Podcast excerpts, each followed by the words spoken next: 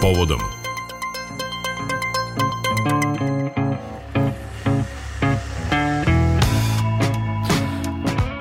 Povodom Međunarodnog dana zaštite podataka o ličnosti 28. januara razgovaramo sa poverenikom za informacije od javnog značaja i zaštitu podataka od ličnosti Milanom Marinovićem o spornim delovima nacrta novog zakona o unutrašnjim poslovima, o biometrijskom prepoznavanju ljudi, curenju podataka iz javnih ustanova i e, institucija e, i konačno i otvaranju kancelarije poverenika u Novom Sadu. Gospodine Marinoviću, dobar dan. Dobar dan. Nacrt e, zakona o unutrašnjim poslovima već je dva puta povučen iz procedure zbog mnogobrojnih odredbi koje se kose sa određenim standardima u zaštiti ljudskih prava, pa možda čak i sa ustavnim ograničenjima u toj oblasti. E, nedavno je počeo novi krug okruglih stolova u okviru javne rasprave kako bi e, zakon u nekoj prihvatljivoj formi bio usvojen. Kako ocenjujete novi tekst iz ugla vaše nadležnosti. E, pa ako mislite na ovaj tekst, ovaj drugi nacrt koji je nedavno povučen, jer ovaj treći još nis, nije ugledao svetlo dana, mm -hmm. mogu da kažem da iz ugla nadležnosti poverenika nije pretrpeo u odnosu na prvi nacrt koji je takođe povučen, nije pretrpeo značajne izmene. E, mi smo pokušali kroz neke neformalne kontakt, da kažem, grupe ili radne grupe, da zajedno kao i neki predstavnici udruženja građana koji se bave ovom materijom, da utičemo na predlagače zakona e, da e, da u odnosu na e, nadležnost poverenika. U tom slučaju govorim isključivo o onom delu zakona koji se odnosi na video nadzor sa upotrebom tehnologije za prepoznavanje lika u cilju jedinstvene identifikacije lica. Pokušali smo da utičemo da se to, da se to da kažem, na manje invazivan način uradi i propiše. Videćemo šta će biti, mi imamo svoj stav koji se u odnosu na, na, na, na to ovaj, e, da kažem reflektuje tako što mi smatramo da nije sporan legitim, legitimnost cilja e, u, u odnosu na to e, zašto bi trebalo uvesti takav video nadzor. Znači, otkrivanje učinilaca teških krivičnih dela, onih koji pripremaju teroristička dela i nestalih lica za koje se sumnja da su nestala kao žrtve krivičnih dela. Međutim, da li Postavlja se pitanja, mi kažemo ne. Da li je neophodno da u svrhu otkrivanja tih lica treba da bude e, snimano celo čove, čovečanstvo, ne čovečanstvo, ali svi, svi građani koji se zateknu na određenom prostoru koji je pokriven tim kamerama. E, dakle, treba napraviti razliku, e, treba učiniti da kažem, ako je to moguće, a ja mislim da jeste, da vuk bude sit i ovce na broju, da se zadovolji e, namera i svrha zbog kojeg bi se to uvelo, Znači da budemo bezbedniji, da budemo sigurni da se učinioci teških e, dela otkriju, pronađu i uhvate e, i da se otkriju nestala lica, ali da s druge strane nema bojazni za našu privatnost koja je inače sa ovim e, razvojem, ubrznim razvojem modernih tehnologija, digitalizacijom, a posebno veštačke inteligencije sve više se više ugrožena. Postoje načini, ja sam čak dao neke predloge e, kako bi to moglo da se uradi e, ako, ako mogu sada da... da Izvolite ukratko, da, da čujemo. Da, da, vrlo kratko. Dakle, e, ideja jeste sledeća.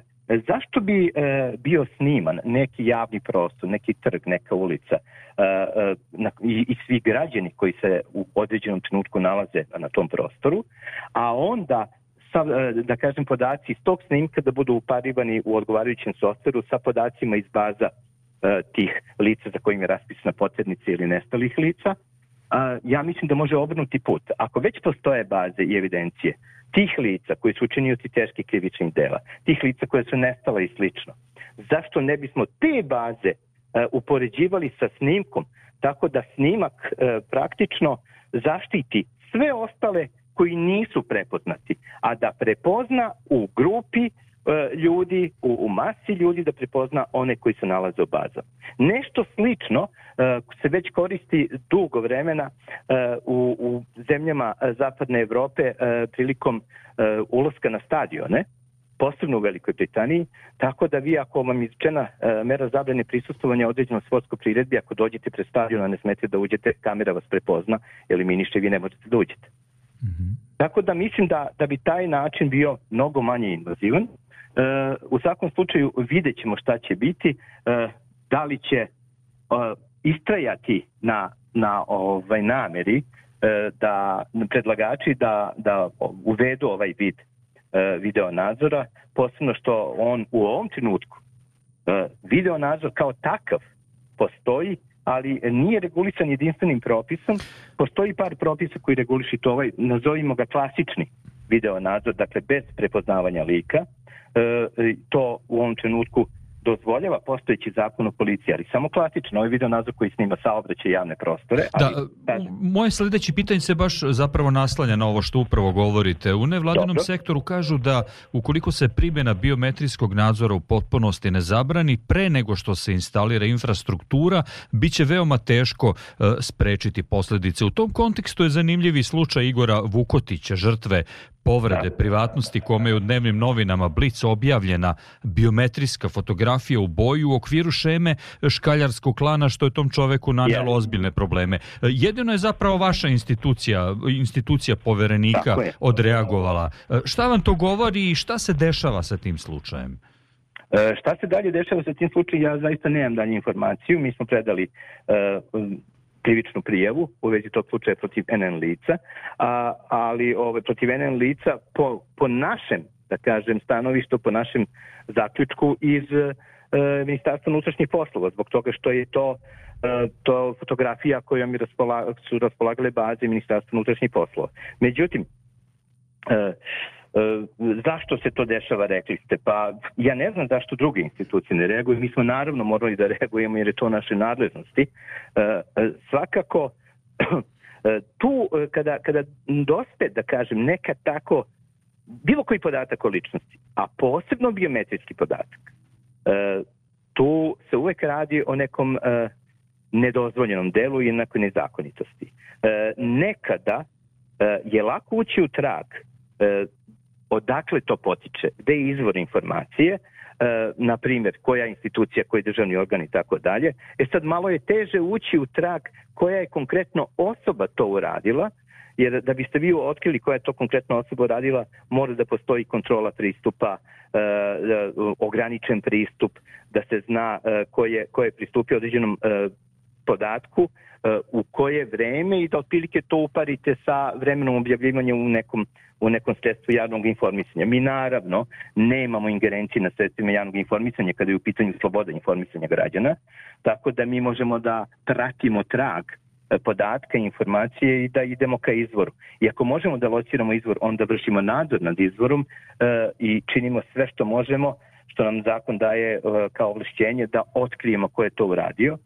Ako ne možemo, onda, onda je to ovaj, teži slučaj. E, nekada se desi da ne možemo. Jednostavno da informacija dosta u medije, mediji naravno, e, e, da kažem, štite svoje izvore, a nema indicija odakle je mogao, mogla doći informacija o medije. Ali u nekim slučajima ima indicija jer ne, ne raspolaže svako biometrijskim našim podacima i našim biometrijskim fotografijama. Uhum. E, kako biste uopšte sagledali e, stanje u našoj zemlji kada je reč o curenju e, informacija iz javnih ustanova i institucija? Evo, nevladin sektor takođe tvrde da je podaci najčešće cure iz policije, neretko završe i na naslovnim stranama tabloida i svedoci smo svakodnevno da imamo slučajeve curenje podataka iz medicinskih ustanova ili iz Centra za socijalni rad. Da li je to pa- tako i šta tu uopšte može da se preduzme još? Pa, pa ja ne mogu da kažem koliko je to često, ali da se dešava tu i tamo i da i mi imamo e, posla i u tim oblastima imamo. Imamo, e, to posebno je, e, da kažem, rizično i nije dobro kada, e, kako kažete, cure posebno usetljivi podaci, znači podaci o zdravlju nekog lica ili biometrijski podaci i tako dalje. E, šta može da se učini? E, nekako naša praksa govori, e, zapravo pa da kažemo ovako, zakon nalaže da svako ko rukuje našim podacima, ko obrađuje naše podatke je u obavezi da primeni, kako to zakon kaže, na odgovarajuće tehničke, organizacione i kadrovske mere, kako bi obrada tih podataka bila bezbedna, kako bi se oni obrađivali i štitili na bezbedan način, kako ne bi došlo do, do narušavanja privatnosti, odnosno e, do zloupotrebe podataka.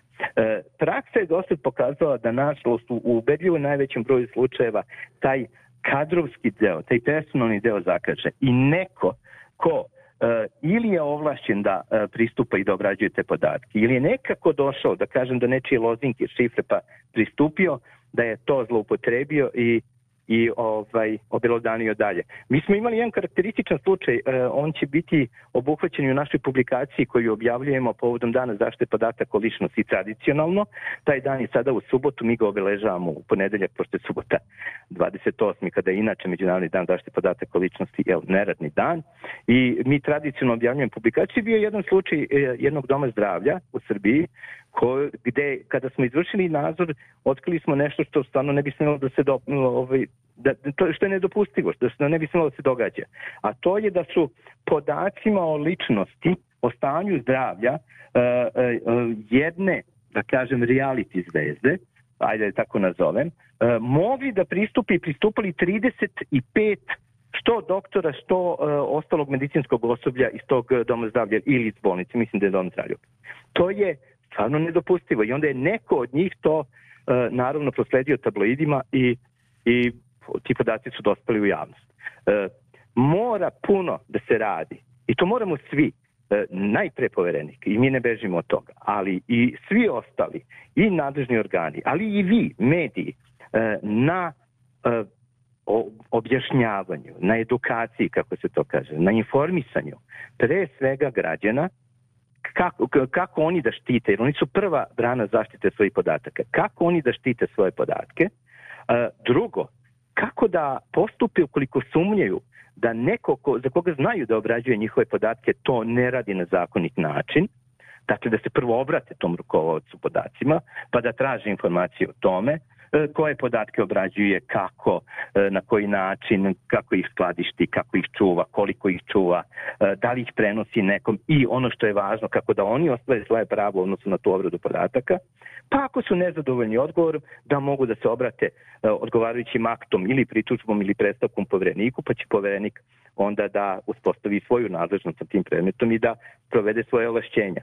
Dakle, E, to je, to je prva brana i svi moramo da budemo e, fokusirani na to. Velika je uloga, kažem, i medija. Ja sam vam zahvalan što ošte temi zaštite podataka ličnosti posvećujete vreme, e, informišete građane o tome zbog toga što sve više će ova tema koja je mhm. već u žiži javnosti, biti u žiži interesovanja javnosti, jer kao što sam rekao, u ovo vreme ubrzanih digitalizacija, razvoja veštačke inteligencije, savremenih tehnologija, e, sve online svega, znači i e, kupovine i robe i usluga, e, plaćanja, letovanja i slično, i ovaj, naručivanja online hrane, zatim sve više ovih e e-uprava, e-prosveta, e-pacijenta, e-banki. E, postajemo sve više e-građani, a e-građanin je daleko više izložen odnosno njegovi lični podaci su daleko više izloženi i mogući ih je zlupotrebiti nego podatke e, građanina koji nije. E. Tako je, e, o tome govori ovaj moj sledeći primer kada je reč o primjeni zakona o socijalnoj karti. Imali smo situaciju da je zbog softverskog algoritma koji selektuje ljude kojima je potrebna socijalna pomoć, oko 20.000 ljudi isključeno iz e, socijalne pomoći bez bilo kakve transparentnosti o tome kako taj algoritam e, izgleda, kakva je njegova logika rizika. E, da li ste u ovoj situaciji na neki način reagovali? Šta bi u budućnosti e, trebalo učiniti da se ovakve situacije izbegnu pre svega kada je reč o upotrebi veštačke inteligencije? Za konkretan slučaj zaista ne mogu da vam dam podatak da, ga, da li je dospeo kod nas, nemam u trenutku tu informaciju, ali e, što se tiče e, e tak, takvih događaja, e, to je nedopustivo. I to samo pokazuje kolika je opasnost od e, dobro neobezbeđene, dobro neproverene i dobro neosmišljene upotrebe veštačke inteligencije. E, sama pomisao da vaše profilisanje vrši, da odluku o vama donosi e, algoritam koji je u nekoj, ajde tako kažem, mašini, bez e, uticaja ljudskog faktora, je na neki način malo zastrašujuće. E, ja eto volim da kažem kao primjer, eto pre neki 10-15 dana e, Elon Musk je došao na konferenciju za medije sa robotom i e, procenio je da će E, roboti za kućnu upotrebu biti za koju godinu e, gotovo normalna pojava i da će moći mnogi da ih priušte zato što će koštati oko 20.000 dolara, neće biti basnoslovno skupi. Ali ja, verujte, na to reagujem tako što ja ne bih baš volio da spavam pod istim krovom u istom prostoru sa E, neko, nekom takvom veštačkom inteligencijom uh, ovaj, i, i takvim robotom. I verujem da nisam jedini koji tam pripada. Znači, veštačka inteligencija može da nam donese puno toga dobrog, ali ona mora biti kontrolisana.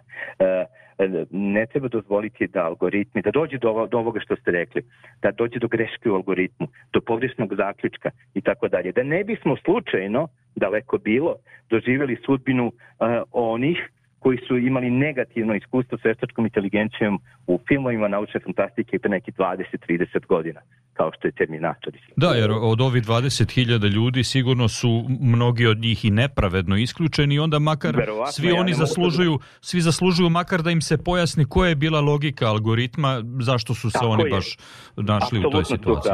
Da, da. Uh, oni imaju pravo na to, oni, oni čak, ali, ali kažem, uh, oni uh, ukoliko žele da saznaju, E, činjenice o tom. Oni treba prvo da se obrate nadležnima, rukovodcu podataka i da pitaju koja je bila logika algoritma, zašto sam ja isključen i tako dalje, a onda, ukoliko ne dobiju zadovoljavajući odgovor ili izostane odgovor, onda mogu da pišu povereniku.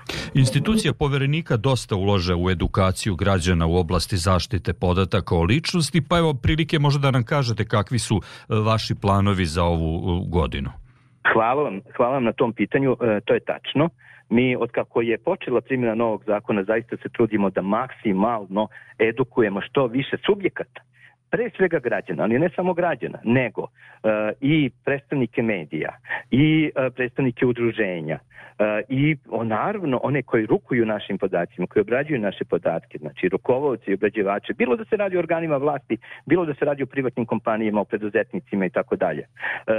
Mi, koliko god možemo, koliko nam dozvoljavaju naši kapaciteti, vršimo edukaciju to na više načina E, recimo, jedan od modernijih načina koji nam je dozvolio, e, da kažem, izmena zakona o visokom obrazovanju od nekoliko godina je takozvani kratki program studija. E, poverenik je za sada, ali ja verujem da će se to širiti, u saradnji sa Fakultetom bezbednosti Univerziteta u Beogradu i sa Pravnim fakultetom Univerziteta u Kragujevcu da sproveo e, nekoliko kratkih programa studija gde je e, edukavo, da kažem, specializovao E, kadar za zaštitu podataka o ličnosti. E, tako da nama je e, preko potrebno da imamo što više u Republici Srbiji ljudi koji su specializovani za ovu oblast, jer e, ruku na srce nema ih dovoljno, e, a potreba je velika. Kada samo pogledate broj organa E, odnosno broj rukovalaca koji moraju da imaju lice zaštitu podataka o ličnosti, e, što e, nije baš najbolje regulisano postojećim tekstom zakona i to, u tom delu se zakon mora menjati oko uslova i kriterijuma koje treba da ispunjava neko da bi postao lice zaštitu podataka o ličnosti, vidi se kolika je to potreba na, na tržištu za takvim za takvim licima. S druge strane, naša je stara ideja bila da zaštitu podataka o ličnosti uvedemo na odgovarajući način u nastavno-naučne programe osnovnih i srednjih škola. Ja ću pokušati, to postoji u okviru jednog nastavnog predmeta za učenike prvih i drugi razred osnovne škole, ali želimo na tome da damo još veću ozbiljnost, veću odgovornost, jer mlađa populacija nam je najranjivija. Oni su ti koji najlakše daju svoje podatke E, na društvenim mrežama da bi došli do neke sitne korice, da bi skinuli neku igricu ili tako nešto i onda daju sve živo od sebi. Prema tome, e, kada njih naučimo, ja želim da budem optimisti da kažem, onda ćemo preko njih na obučiti njihove roditelje, što je malo obrnut smer, ali u, u ovom slučaju je primenjen. Mm -hmm. E, zatim, mi idemo stalno po van Beograda, po jedinicama lokalne samuprave, vršimo edukacije. E, bili smo, e, primjera radi, preključe u Nišu, gde je održana jedna od tribina, zapravo prvo u nizu koju organizujemo zajedno sa nemačkim gizom, e, gde, gde ćemo 15 gradova i opština obići gde ćemo održati tribine na temu zaštite podataka o ličnosti i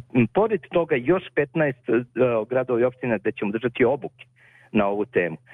Dakle, sve vrste, naši E, ovlašćeni predavači su predavači Nacionalne akademije za javnu upravu i oni e, često idu i preko akademije vrše obuku. Dakle, kogod nas pozove, mi smo spremni, ukoliko je dovoljno zainteresovanih, da odemo i da održimo obuke, naravno, koje su besplatne, mm -hmm. a, pride, imamo pojedinačne prijave ljudi koji nam se javljaju i žele da prođu naše obuke i onda kada se nakupi dovoljan broj ljudi, neki dvadesetak i nešto, mi ih pozovemo i organizujemo obuku kod nas. Znači, mhm. činimo sve što je u našoj moći da bismo što veći e, broj ljudi edukovali na temu zaštite podataka o ličnosti u što kraćem roku. Da. Ne ide to tako brzo, ali ja sam optimista i na dobrom smo putu. Mi smo pokrajinski javni medijski servis i za naše da. slušalce će biti vrlo zanimljiva i ova posljednja informacija s kojom predlažem da i završimo ovaj naš razgovor. Nedavno ste u Novom Sadu otvorili e, kancelariju poverenika. E, kako to sad sve funkcioniše? Na koji način građani e, mogu da komuniciraju sa tom kancelarijom i kakvi su vaši dalji planovi u tom smislu? Hvala vam puno na tom pitanju i ja ovaj, izuzetno smo ponosni u službi poverenika što smo uspjeli uspeli da našu prvu kancelariju BM Beograda otvorimo pre nove godine, doduše to je bilo zadnji radni dan 30. decembra i to u Novom Sadu, zato što smo e, nekako sa e, vladajućim strukturama u Novom Sadu, sa tadašnjim gradonačelnikom i zamanikom gradonačelnika pre svega, našli vrlo brzo zajednički jezik e, i našli smo odgovarajući prostor i hvala im na tome, ono, grad je to i obnovio i, i priveo, da kažem, svrsi i startovali smo. E, pazite, e, treba biti realan. E, gde god da otvorimo kancelarije, mi ne možemo da pošaljemo toliko ljudi koji će da obavljaju sav posao za tu teritoriju. To je nemoguće. Poverenik je osmišljavan 2004. A, kada, je, kada je uopšte uspostavljen, a posle 2009. kad je dobio zaštitu podataka o ličnosti u nadležnost, kao organ koji ima sedište i i posluje, da kažem, obavlja nadležnosti iz Beograda. Međutim, mi smo zaključili da je neophodno da se otvorimo posle toliko godina e, i, nažalost, još uvek se ne zna dovoljno ni o povjereniku, ni o njegovim nadležnostima, a skoro će 20 godina kako postoji i onda smo rešili da, da izađemo iz Beograda, e, da priđemo ljudima i van Beograda.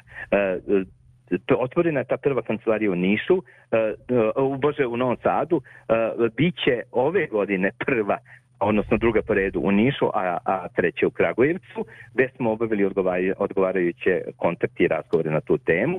E, što se tiče kancelarije u Novom Sadu, e, mi tu sada imamo dva e, zaposlena, dva ovlašćena službena lica, ukupno je planirano četiri, za svaku oblast prava koju štitimo imamo po jednog. E, Srećna je okolnost i to, nam, to nas je donekle i opredelilo da Novi Sad bude prvi, između ostalog to što su to uh, lica koje su e, već radila kod povrenika i E, praktično su već dve godine putovali gotovo svakodnevno iz Novog Sada u Beograd, tako da su praktično vratili se kući, da tako kažem, e, koja imaju pre svega savetodavnu ulogu i po informacijama koje imamo dolaze im svaki dan građani e, i interesuju se o tome šta oni rade, kako da štite svoja prava, sad naravno zavisnosti od oblasti, da li se radi o zaštiti podataka o ličnosti ili o slobodnom pristupu informacijama od javnog značaja, e, dobijaju savete, e, ova, da kažem, ovaj veći deo posla i dalje ostao na Beogradu što se tiče inspekcijskih nadzora i tako dalje.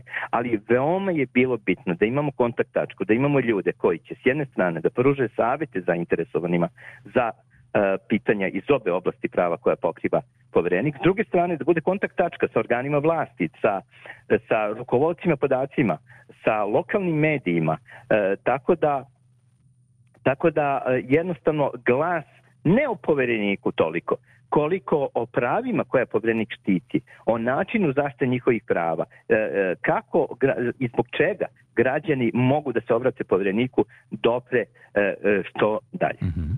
Povodom Međunarodnog dana zaštite podataka o ličnosti 28.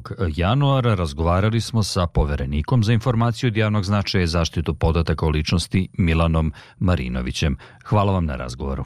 Hvala vama na pozivu.